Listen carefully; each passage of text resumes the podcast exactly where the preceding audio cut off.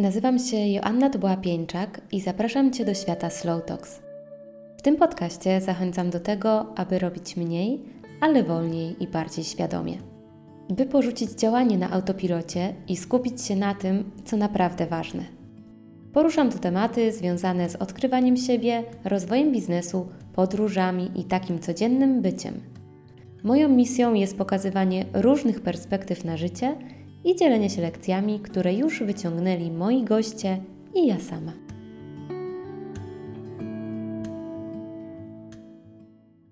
Dzień dobry, dzień dobry. Ja nie wiem, czy Wy słyszycie te ptaki ćwierkające za moim oknem, ale jak usiadłam w takiej ciszy i je usłyszałam, to wiem, jest początek lutego, ale tak poczułam, jakby nadchodziła wiosna. Wiadomo, tutaj na Kanarach, gdzie mieszkam, to wygląda trochę inaczej z tą wiosną, wieczna wiosna, ale jakoś mnie tak to dobrze nastroiło i trochę nie mogę doczekać się nagrania tego odcinka, dlatego że nie przygotowywałam się do niego w żaden sposób i będzie to taki czysty strumień moich myśli, bo pewnego dnia, jak sobie siedziałam, to nagle przyszło mi do głowy coś takiego, co ja bym powiedziała młodszej sobie.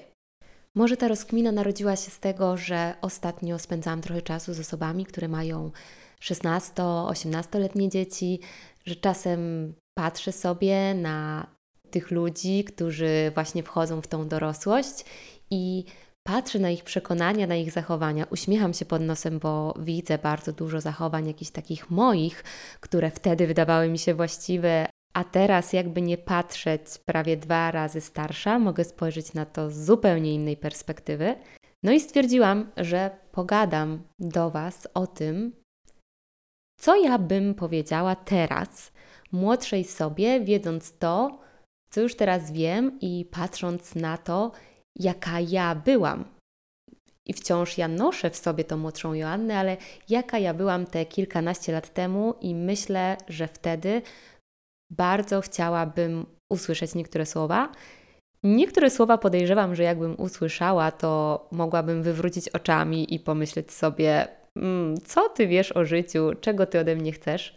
Bo też tak sobie myślę, że my do niektórych rzeczy po prostu potrzebujemy dojrzeć, zebrać swoje własne doświadczenia i nieważne jak bardzo będziemy chcieli w przyszłości ochronić nasze dzieci, jak teraz chcemy je chronić, to myślę tak sobie, że trzeba dać tą wolność do uczenia się, do popełniania błędów, do przechodzenia przez pewne etapy, dzięki którym po tych kilkunastu latach można sobie usiąść i zastanowić się nad tym, co w naszej głowie było, jak mieliśmy te kilkanaście lat, te dwadzieścia lat, a co jest teraz. Dzięki temu zauważyć jakiś rozwój, zmianę, a może też zauważyć te rzeczy, które są w nas od lat i chcielibyśmy, żeby były inne, a jednak nam wciąż towarzyszą. Może to będzie jakiś impuls do zmiany albo do przepracowania czy przekonań, czy tematu, z którym się mierzycie. No ale nie przedłużając, ja zebrałam sobie takich 12 myśli i przejdźmy po kolei przez każdą z nich. Kolejność jest randomowa, po prostu one tak wylatywały z mojej głowy. Ja też nie wiem, czy to jest wszystko, co chciałabym powiedzieć, ale założyłam, że jak robiłam sobie właśnie takie ćwiczenie, znalazłam sobie chwilę na to, żeby o tym pomyśleć, że po prostu biorę to, co pierwsze wypłynie z mojej głowy, bo być może na tamten moment tamtego ćwiczenia to było to, co było dla mnie najważniejsze. I może odezwała się właśnie ta młodsza Joanna i zauważyła rzeczy, które teraz działają inaczej, a które w przyszłości, w przeszłości niekoniecznie może działały lub były czymś, co wydawało mi się, że jest fajne, a już teraz nie jest.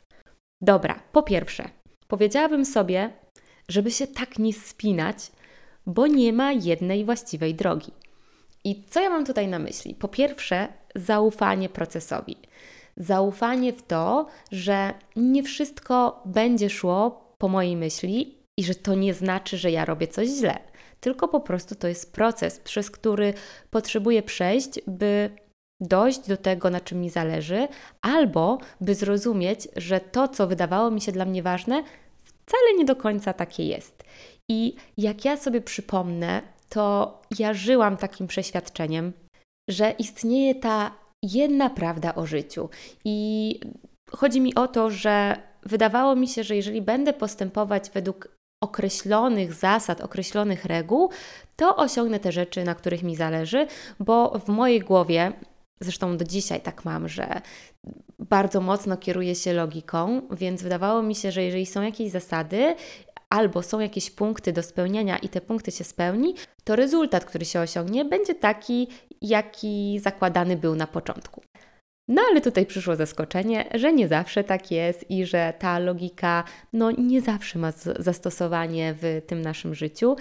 I ja się trochę spinałam. Trochę się spinałam, żeby iść za tymi regułami, za tymi zasadami i żeby i to jest w ogóle przewrotne, bo z jednej strony miałam w sobie bardzo dużo buntu, a z drugiej strony gdzieś odzywał się we mnie taki syndrom wzorowej uczennicy, która po prostu podążała za czymś, wierząc, że jeżeli spełni określone kryteria, to osiągnie to, co chce. Nie do końca tak było, i jak już wspomniałam o tym syndromie wzorowej uczennicy, to od razu taka druga myśl przychodzi mi do głowy, która brzmi: Joanno, będziesz popełniać błędy. I to jest totalnie ok.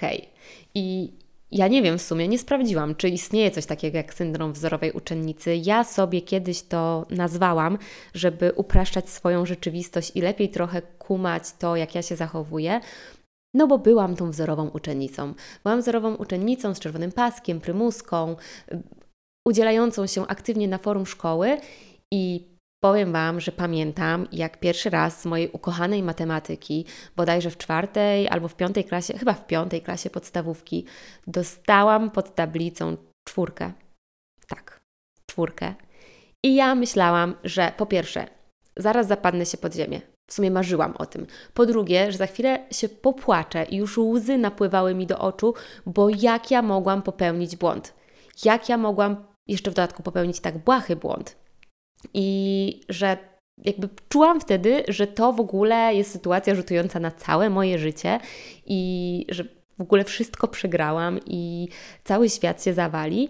I naprawdę zauważyłam, że miałam takich momentów trochę w swoim życiu i to już nawet nie w szkole, ale w życiu zawodowym czy w relacjach, że po prostu chciałam być taka perfekcyjna, ale też może trochę na pokaz i bardzo dużą uwagę przywiązywałam do moich potknięć. Potrafiłam je sobie fantastycznie wypominać, katować się nimi, myśleć na okrągło o nich, oczywiście analizować też to, jakie będą dla mnie konsekwencje z serio błahej sprawy, albo co pomyślą o mnie inne osoby. No, to, to było grube, co pomyślą o mnie inne osoby. I ja dopiero gdzieś myślę, że po studiach zaczęłam nabierać tej świadomości, że zmieniłam sobie perspektywę. O, może w ten sposób. Zmieniłam perspektywę na to, że popełnianie błędów jest ok, bo mogę się z nich dużo nauczyć i zaczęłam patrzeć na nie inaczej. Przestałam przywiązywać wagę do moich najmniejszych potknięć, tylko po prostu akceptowałam to, że coś poszło nie po mojej myśli, że gdzieś popełniłam błąd, że zrobiłam coś nie tak, jak ja sobie wyobrażałam, że być może nie sprostałam czyimś wymaganiom, ale okej, okay, no to się wydarzyło, więc jak ja teraz w przyszłości, jak tu i teraz, mogę zadbać o to, żeby te błędy się nie powtórzyły, albo żebym zachowała się lepiej, inaczej. I serio, dla mnie to było duże odkrycie i czasami Czasami wraca mi ten syndrom wzorowej uczennicy, bo gdzieś w momencie, kiedy ktoś oceni moje działanie, nieważne czy ta ocena jest sprawiedliwa albo czy w ogóle to jest osoba, która w ten sposób powinna mnie oceniać, a jednak w social mediach dzieje się tego sporo, to myślę, że nauczyłam się odpuszczać to, przechodzić obok tego obojętnie, ale czasami wpadnie jeszcze coś, co spowoduje, że mam do siebie po prostu pretensje. Mam pretensje o to, że mogłam o coś lepiej zadbać, szybciej zrobić, e, jakoś inaczej zarządzić tym, co się wydarzyło. Więc e, wciąż mogę sobie powtarzać, Joanno, błędy będziesz popełniać, to jest ok, ważne, żeby z nich wyciągać lekcje, ważne, żeby robić ten proces inspekcji i adaptacji, o którym tak szeroko mówisz, czyli przyglądać się temu, co się wydarzyło i zastanawiać się, co mogę zrobić lepiej w przyszłości. Albo po prostu to olewać, albo po prostu to olewać i się nie spinać. I ja już wspomniałam o tych ocenach ludzi, więc tak płynnie zmierza mi to w kierunku takiej trzeciej myśli, którą chciałabym się podzielić z młodszą sobą, a mianowicie Joanno, o Twojej wartości nie stanowią ludzie dookoła, a tym bardziej liczba tych ludzi dookoła. Bo miałam, ja byłam duszą towarzystwa. Nie wiem, czy wciąż jestem duszą towarzystwa, czy tak bym siebie nazwała. Pewnie, gdyby siedział teraz obok mój mąż, to by powiedział, że no raczej, ale ja uwielbiam otaczać się ludźmi. Teraz to trochę wygląda inaczej, ale jak byłam młodsza, to potrafiłam czuć się dobrze, kiedy ludzie byli obok mnie, a kiedy ich nagle nie było, to wszystko wydawało mi się bez sensu. I na tym też opierałam swoją samoocenę, co pewnie jest w jakiś sposób uzasadnione w tym młodzieńczym wieku, w tym okresie dojrzewania, kiedy chcemy tworzyć społeczności, otaczać się innymi ludźmi, szukamy podobieństw, z drugiej strony różnic, ale że ci ludzie w naszym życiu są ważni. Tylko mam wrażenie, że ja trochę zbyt nadmiernie opierałam taką ocenę ogólną mojego życia, czy jest dobre, czy nie, na tym, czy ja w danym momencie mam się z kim spotkać, czy dookoła mnie jest dużo ludzi, i myślę, że potrzebowałam mieć swój czas przepełniony ludźmi. I jeżeli przychodził taki wieczór, że na przykład nie miałam umówionego żadnego spotkania, imprezy, wyjścia z kimkolwiek, chociaż na spacer, to popadałam w jakiś marazm. Czułam się niedobrze i właśnie to było takie skrajne, że to nie chodziło o momenty przestoju tych towarzyskich spotkań, to chodziło o to, że jeżeli moje popołudnie nie sprowadzało się do tego, żeby spędzić czas z ludźmi, to coś mi nie pasowało.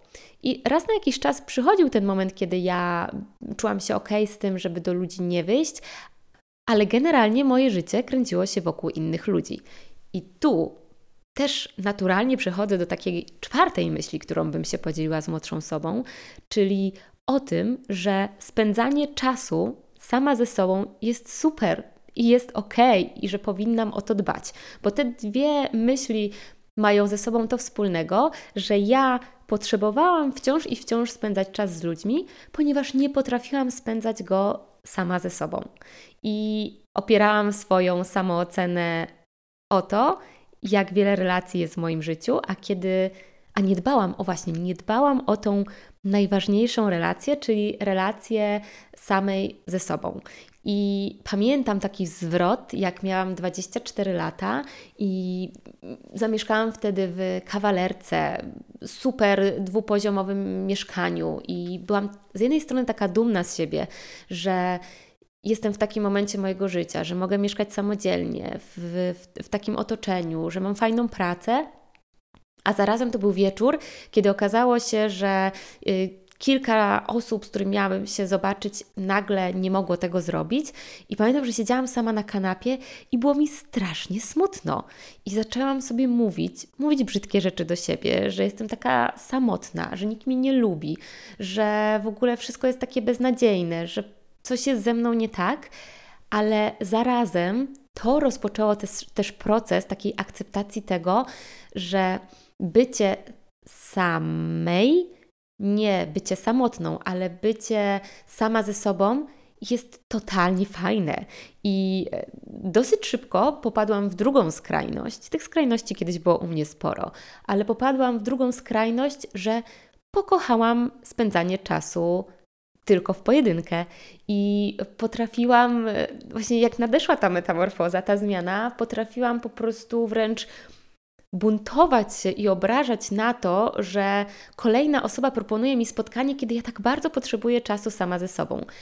I to, co chcę powiedzieć młodszej sobie, to to, że fantastycznie budować tą relację e, ze swoim wnętrzem, ze swoimi myślami i opierać tą swoją samoocenę o wiele różnych aspektów, nie o tylko jakieś skrajne, a przede wszystkim o to, jak ja czuję się w swoim towarzystwie.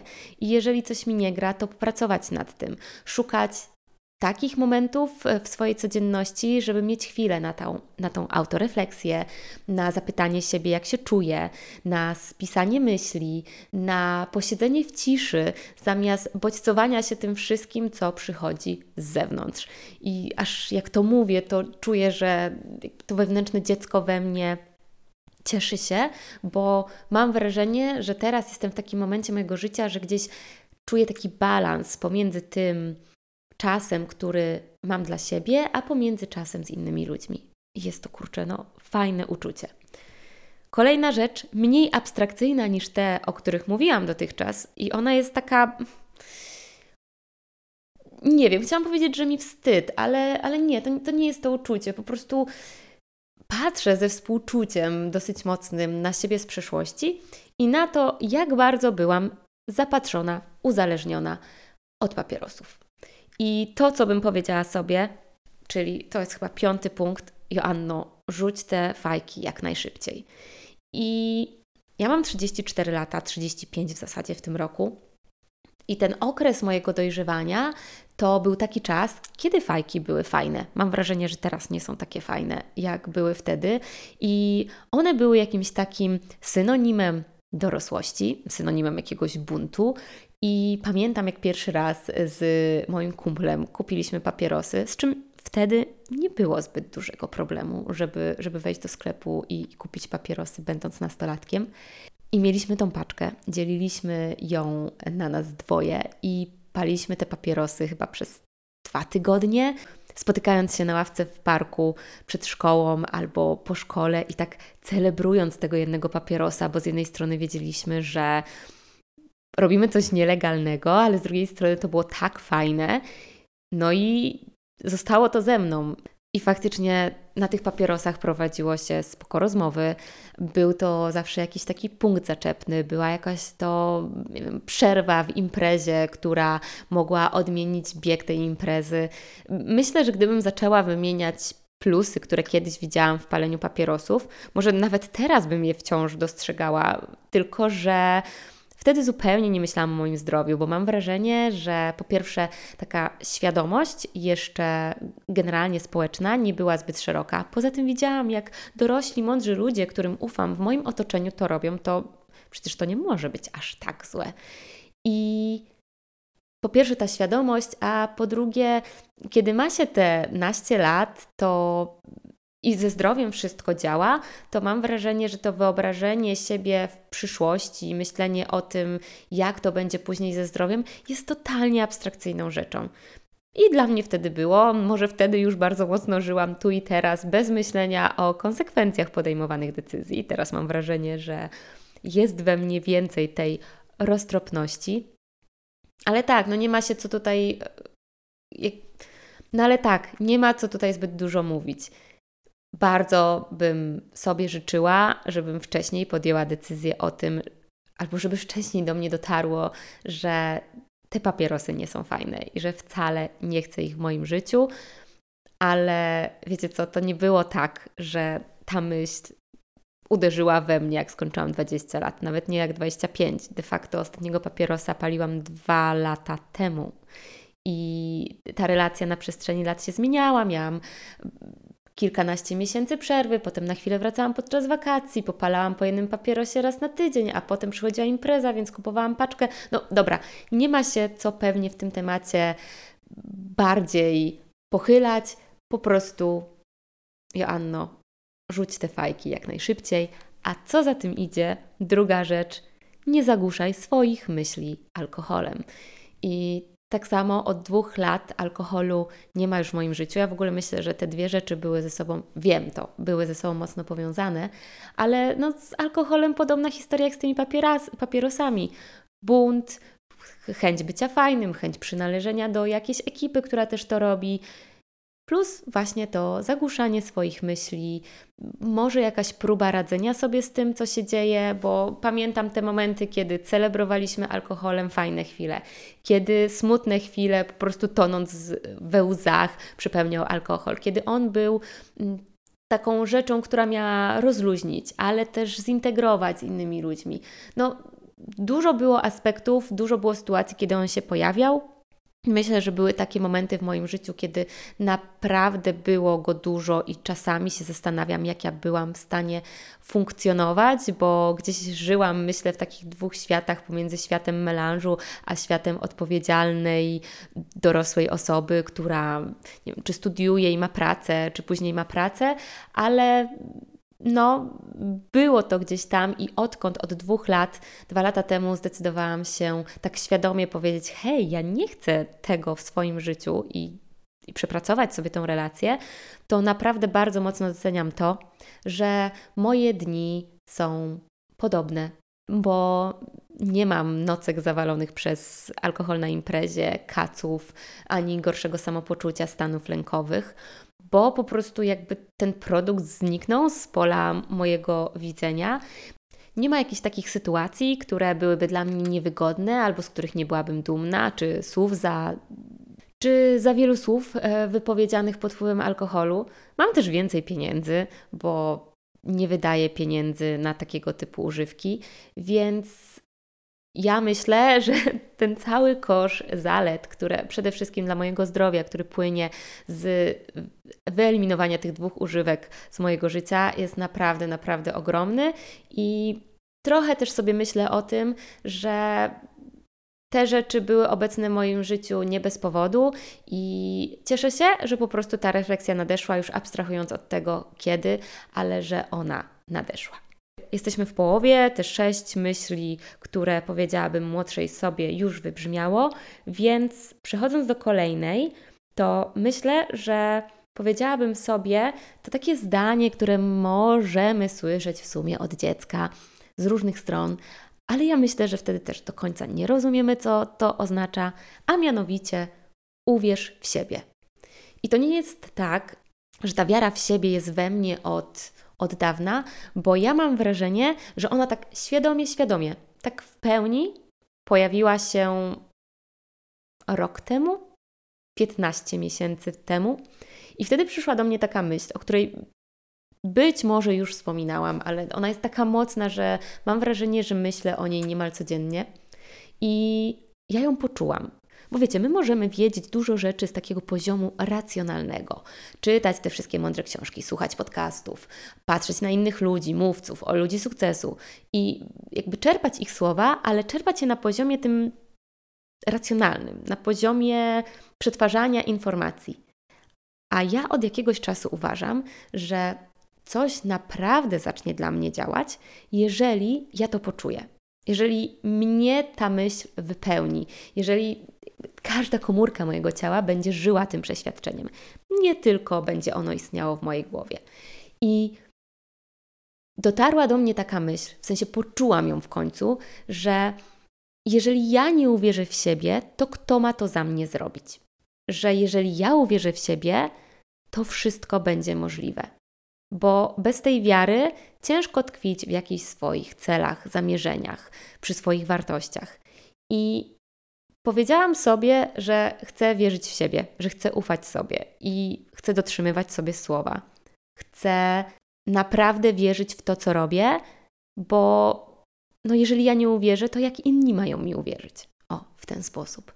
I ciężko mi mówić też o tym, co czuję w środku w kontekście tego zdania, ale myślę, że bardzo mocno kiedyś bazowałam na właśnie tych opiniach innych i na tym założeniu, jak powinien wyglądać świat, jak powinien wyglądać dobry człowiek, że w momencie, kiedy gdzieś moja osoba nie pasowała do, tej, do tych wyobrażeń, do tej kalki, którą sobie wymyśliłam, to zaczynałam powątpiewać, czy to, co robię, mam sens. Powątpiewałam też, kiedy właśnie byłam w procesie, co jest normalne, że te rzeczy się zdarzają, ale właśnie to zaufanie do procesu i zaufanie do samej siebie myślę, że dosyć mocno pozwala mi żyć takim życiem, jakim żyję, na swoich zasadach, w takiej w takim zaufaniu do siebie, w to, że jeżeli ja podejmuję decyzje oparte o to, co czuję, jak czuję, z uszanowaniem innych osób, z myślą o świecie, który mnie otacza, to, że to jest ok, a że to nie wpisuje się w jakieś normy, a że efekt też nie do końca może jest taki jak u kogoś innego, to jest po prostu część procesu.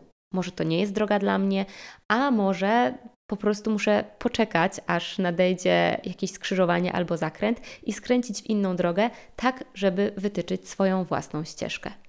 I tu od razu przychodzi mi do głowy taka ósma myśl o tym, że chciałabym usłyszeć te kilkanaście lat temu, żebym nie bała się wyrażać tego, co czuję, bo myślę, że czuję dużo, widzę dużo, że jest we mnie gro empatii i, i takiego współczucia, takiego zdrowego współczucia i do siebie, względem innych ludzi, i dosyć łatwo jestem w stanie wyczuwać nastroje, wyczuwać jakieś takie wibracje osób, które są obok mnie i, i uważam, że jestem delikatna i wrażliwa. I wiecie co, ja kiedyś uważałam to za słabość. Te kilkanaście lat temu myślałam, że ta delikatność i wrażliwość to jest coś takiego, co tylko będzie mi utrudniać życie, bo trzeba zaciskać zęby, bo trzeba być twardym, bo trzeba iść po swoje i pewnie jeszcze wiele innych przekonań mogłabym teraz wymienić odnośnie tego, dlaczego wrażliwość i delikatność nie są wskazane.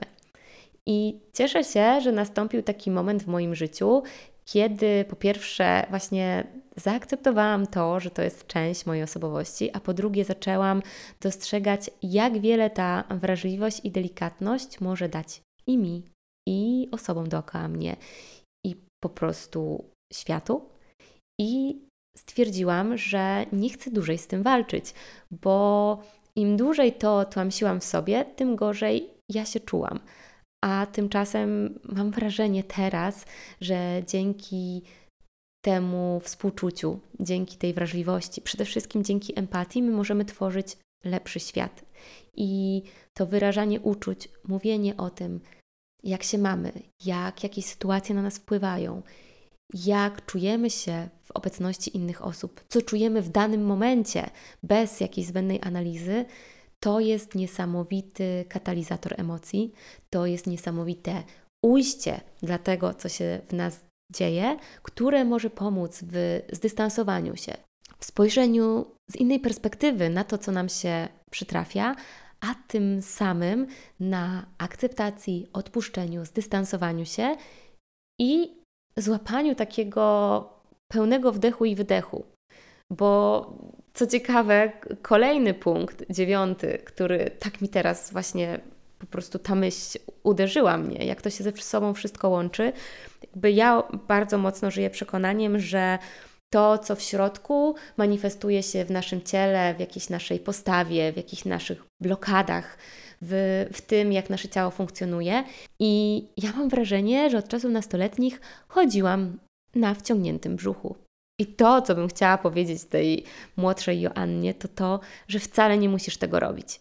Że to jest naturalne, po pierwsze pod, pod kątem fizjologii, że ten brzuch będzie wystawać. A po drugie, tak sobie myślę, że chodziłam na tym wciągniętym brzuchu wdechu, bo, bo coś może chciałam ukryć. Bo nie czułam się do końca sobą, więc szukałam takich sposobów, które mogłyby trochę zmienić mnie. I właśnie myślę tutaj z powrotem o tej wrażliwości, delikatności, o tej empatii, że brak wyrażania ich albo tłamszenie ich w sobie było właśnie takim chodzeniem na tym wciągniętym brzuchu. Było ukrywaniem tego, co jest we mnie naturalne. A to prowadzi do różnych patologii, czy wewnątrz, czy na zewnątrz, i bardzo się cieszę, że w pewnym momencie porzuciłam to moje przekonanie o tym, jak powinien wyglądać brzuch, i po prostu nauczyłam się porządnie oddychać, a jak złapałam ten porządny wdech, jak zrobiłam ten porządny wydech, to mam wrażenie, że wiele rzeczy we mnie puściło i rozluźniło się.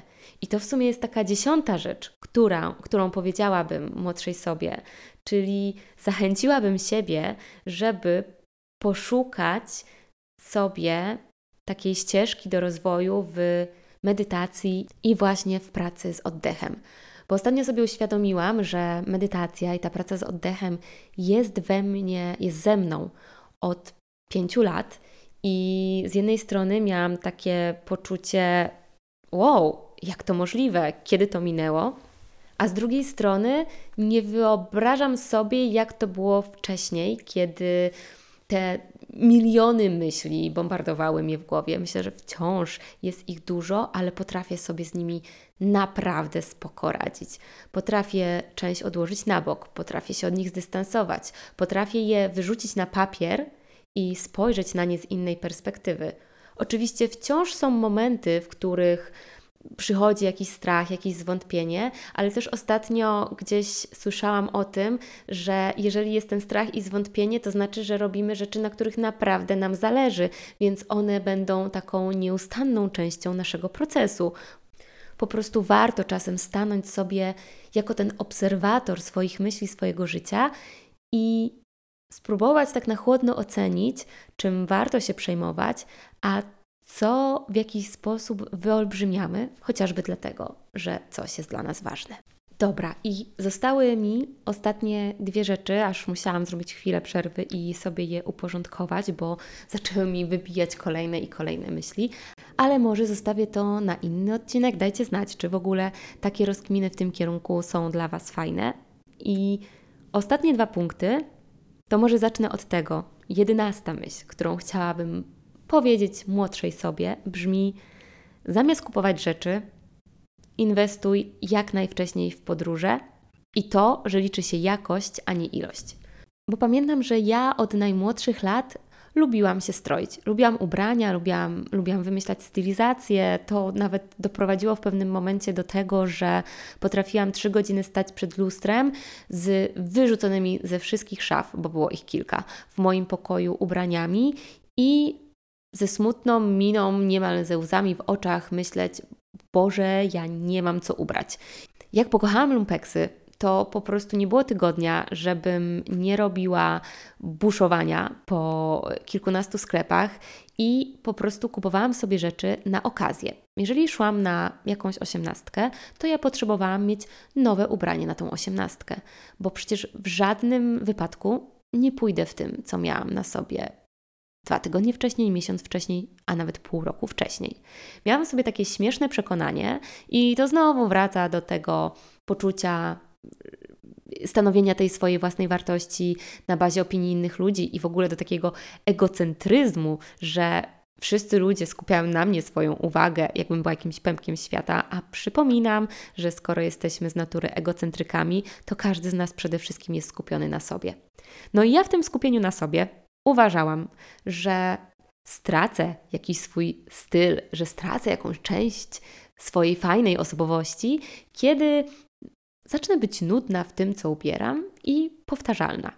Jakby jak ja kiedyś podczas jakiegoś procesu odkryłam to w sobie, to było to dla mnie naprawdę ogromne, no bo to nie chodziło o to obrania, to chodziło o tą samoocenę, o tą relację z ludźmi, o to własne postrzeganie siebie. No ale w każdym razie jeszcze kiedy rozpoczęłam już pracę w zawodzie i zaczęłam zarabiać całkiem niezłe pieniądze, to mogłam sobie pozwolić na więcej i spełniać swoje ubraniowe, rzeczowe zachcianki. I moja szafa powiększała się. Nawet nie wiecie, jak ja byłam szczęśliwa, kiedy w tej kawalerce, o której wspominałam, okazało się, że jest osobna garderoba. Mniej szczęśliwa byłam, kiedy się stamtąd wyprowadzałam i całe szczęście kiedy poznałam Tomka, on mi pokazał, że za ilością często nie idzie jakość, bo ja naprawdę potrafiłam mieć podobny model buta w czterech różnych kolorach, po to, żeby po prostu pasował mi do moich stylizacji, które robię. Albo właśnie potrafiłam kupować ubrania na okazję, ubrać je raz i na tym kończyła się ich historia w mojej szafie. Lub właśnie kupić coś, a po jednym praniu żywot tej rzeczy dobiegał końca. I bardzo się cieszę, że no, 10 lat temu zaczęłam, wkroczyłam na tą ścieżkę jakości i decydowania się na to, żeby więcej pieniędzy zainwestować w jedną rzecz, ale żeby ona faktycznie odpowiadała temu, co ja potrzebuję, żeby była z jakościowych materiałów, żeby jej żywotność była zdecydowanie dłuższa. I zrozumiałam, że nie ma nic złego w tym, jeżeli jedną rzecz noszę nawet cały czas. I to po tych 10 latach zaowocowało tym, że pakując się w samochód, byłam w stanie zabrać wszystkie rzeczy, które potrzebne są mi do życia i przenieść moje życie bez poczucia, że rezygnuję z czegokolwiek. Ja mam teraz w szafie same ulubione rzeczy, które są jakościowe, które mogę ubrać na każdą okazję i w końcu pozbyłam się tego poczucia, że nie mam co ubrać. Zawsze mam co ubrać, bo mam same ulubione rzeczy. O, to też tak poczułam, że wątek na dłuższą rozkminę i może właśnie na osobny och, aż, aż poczułam, że to jest jakiś taki wątek, który z jednej strony jest trywialny, bo mówimy o rzeczach, o ubraniach, a z drugiej strony gdzieś mocno był wyryty w, w takiej mojej codzienności i w mojej samoocenie. No i dobra, ostatnia rzecz, dwunasta myśl, którą chciałabym przekazać młodszej sobie, brzmi: ufaj swojej intuicji. Ufaj temu, co czujesz, kiedy z kimś rozmawiasz. Ufaj temu, co czujesz, kiedy podejmujesz jakąś decyzję, bo znowu wracając do tych moich wyobrażeń o świecie, do tego strachu przed tym, co pomyślą inni, ja wewnętrznie czując, że coś nie do końca jest dla mnie, potrafiłam odkładać na bok to moje wewnętrzne poczucie, dlatego że odzywała się we mnie ta część mnie, która mówiła: Prawdopodobnie nie masz racji, co ty wiesz o życiu, ty tak myślisz, pewnie inni tak nie myślą. Wcale nie podejmiesz dobrej decyzji. Bardzo mocno podkopujący głos, sabotujący moje działania, sabotujący moją intuicję, bo to był taki czas, w którym dopatrywałam się tego, że świat zewnętrzny wie lepiej, co jest dla mnie dobre, bo co ja takiego mogę wiedzieć. I znowu, rozpoczynając ten proces polubienia siebie, otwarcia się na siebie, rozmów ze sobą, ja zaczęłam mocniej wsłuchiwać się w te swoje potrzeby, w swoje pragnienia, przyglądać się temu, co ja czuję, jak reaguje na to świat zewnętrzny. I okazało się, że wcale nie reaguje krytycznie, tak jak mogłam sobie zakładać. Reaguje wręcz supportująco. Kiedy zaczęłam słuchać siebie, kiedy zaczęłam spędzać czas sama ze sobą, zaczęły docierać do mnie te moje informacje ze środka, które zagłuszałam. I obecnie w moim życiu intuicja jest bardzo ważnym elementem i przede wszystkim, kiedy coś dzieje się w moim życiu, zadaję sobie pytanie, jak ja się z tym czuję, jaka pierwsza reakcja jest wywołana w moim ciele i co ona oznacza.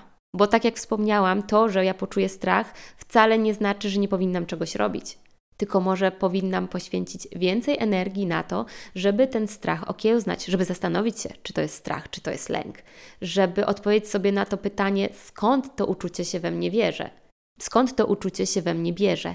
I tak po kolei odkrywając różne karty dotyczące mnie samej, dowiaduję się więcej, łatwiej radzę sobie z emocjami, które przychodzą, łatwiej podejmuje mi się decyzje, bo mam więcej danych i te dane wypływają ze środka mnie i ta intuicja mnie prowadzi, mną drive'uje i, i po prostu ufam sobie.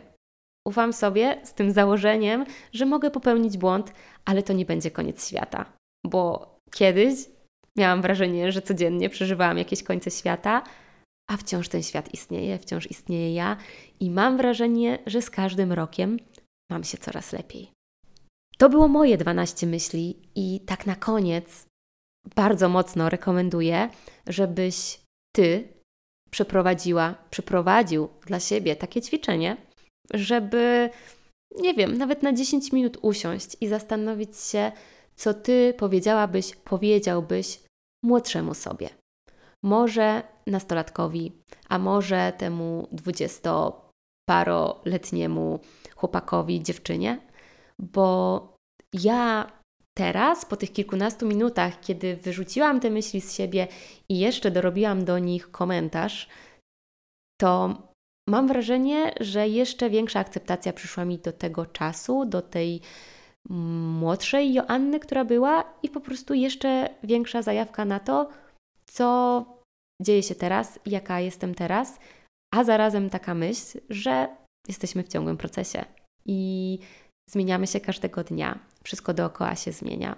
Mam wrażenie, że mogę to powtarzać w każdym odcinku, ale dzięki temu przychodzi mi jeszcze więcej wyrozumiałości dla moich decyzji i nawet teraz pomyślałam sobie przez chwilę o tym, czego aktualnie gdzieś tam się boję, albo co, co aktualnie jest dla mnie trudne, i chyba nabrałam do tego jeszcze większego dystansu. Może za kilkanaście lat zrobię sobie podobne ćwiczenie i zastanowię się nad tym, co powiedziałabym tej 35-letniej Joannie. Na koniec mam do Ciebie wielką prośbę o ocenienie mojego podcastu w aplikacji Spotify i na iTunes. A jeśli chcesz podzielić się ze mną czymś jeszcze, to wpadnij na mój Instagram i napisz wiadomość prywatną joanna.tobola. Więcej treści do pracy nad sobą znajdziesz na portalu slowtalks.pl. No i do usłyszenia w kolejnym odcinku.